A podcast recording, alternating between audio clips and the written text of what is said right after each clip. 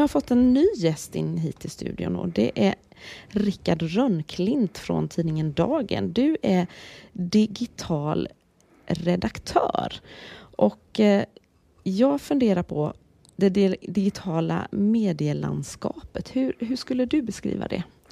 Ja, det är en bra fråga. Eh, vi ser ju att allt fler läser tidningen digitalt på nätet.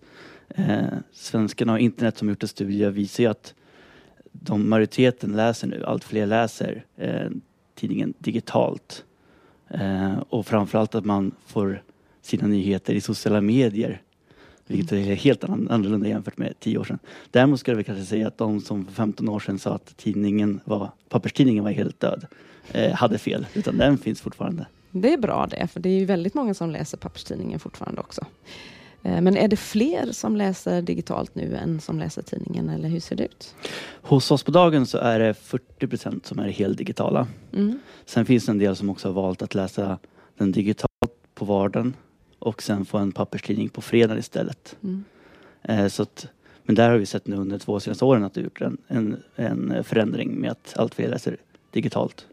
Vilket också har påverkats av att eh, Postnord har gått över till varannan dags utdelning i hela Sverige mm. jämfört med tidigare. Vilket har gjort så att alla eh, dagstidningar måste gå med morgontidning om man vill vara säker på att tidningen ska komma ut en viss dag.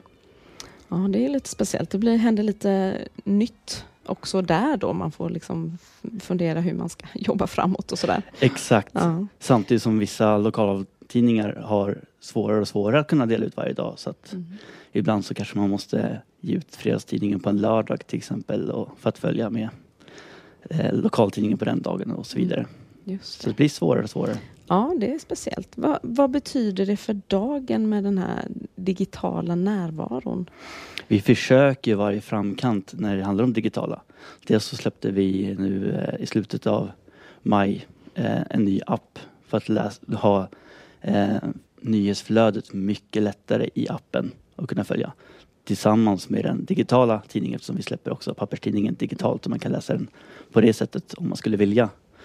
Eh, men vi är ju fyra digitala redaktörer som jobbar eh, med tidningen och prenumerationsfrågor och så söker vi en ytterligare en eh, femte person. Mm. Är du ansvarig också för att svara på kommentarer som hamnar, hamnar på det digitala? Mm, inte hos mig, men däremot mina kollegor. Mm, mm. Utan jag fokuserar mer på det upplaga och prenumeration medan ja, de andra det. sköter sociala medier och mm. eh, dagen.se så att säga.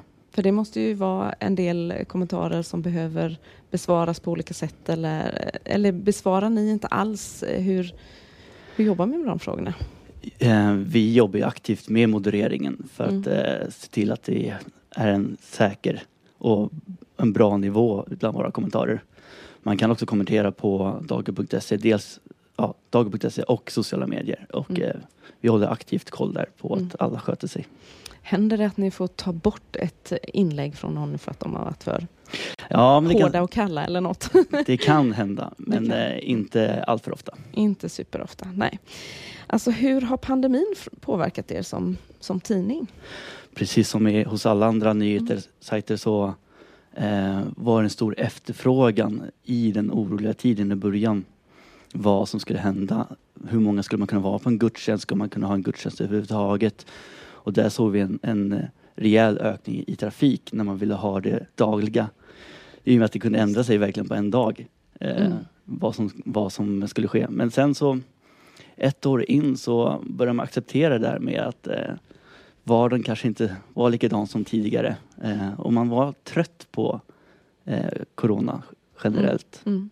Men jag tror också det gjorde att i och med att alla kyrkor var tvungna att gå över digitalt så gjorde det också att vi accepterade att vara mer digitala jämfört med tidigare. Att man kanske slutade med papperstidningen och började läsa digitalt också då. Mm.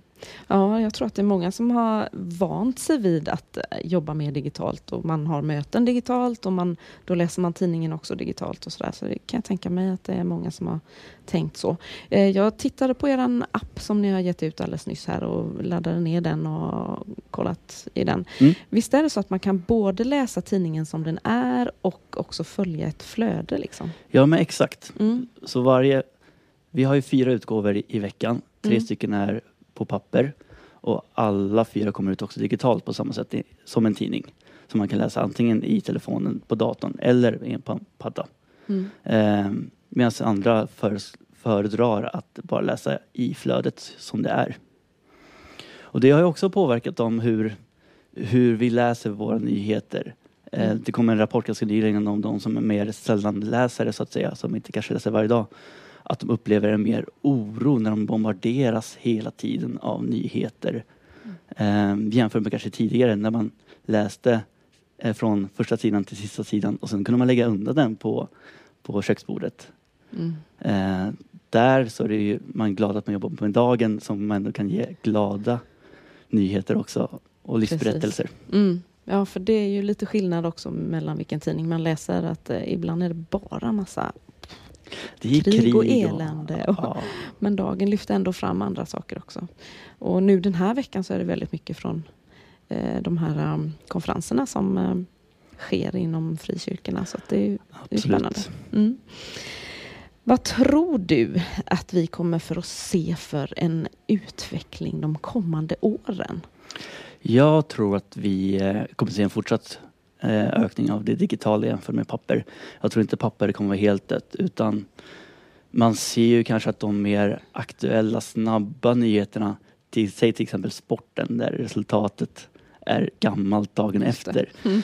Det kanske inte riktigt kommer vara i pappret. Nej. Däremot mer livskvalitet, de djupa texterna. Mm. Eh, till exempel våra dokument som vi har varje vecka Mm. eh, med lite mer djuplodande. Det kommer nog fortfarande finnas i tidningen Mm. som i pappersformat för att få den här kvaliteten.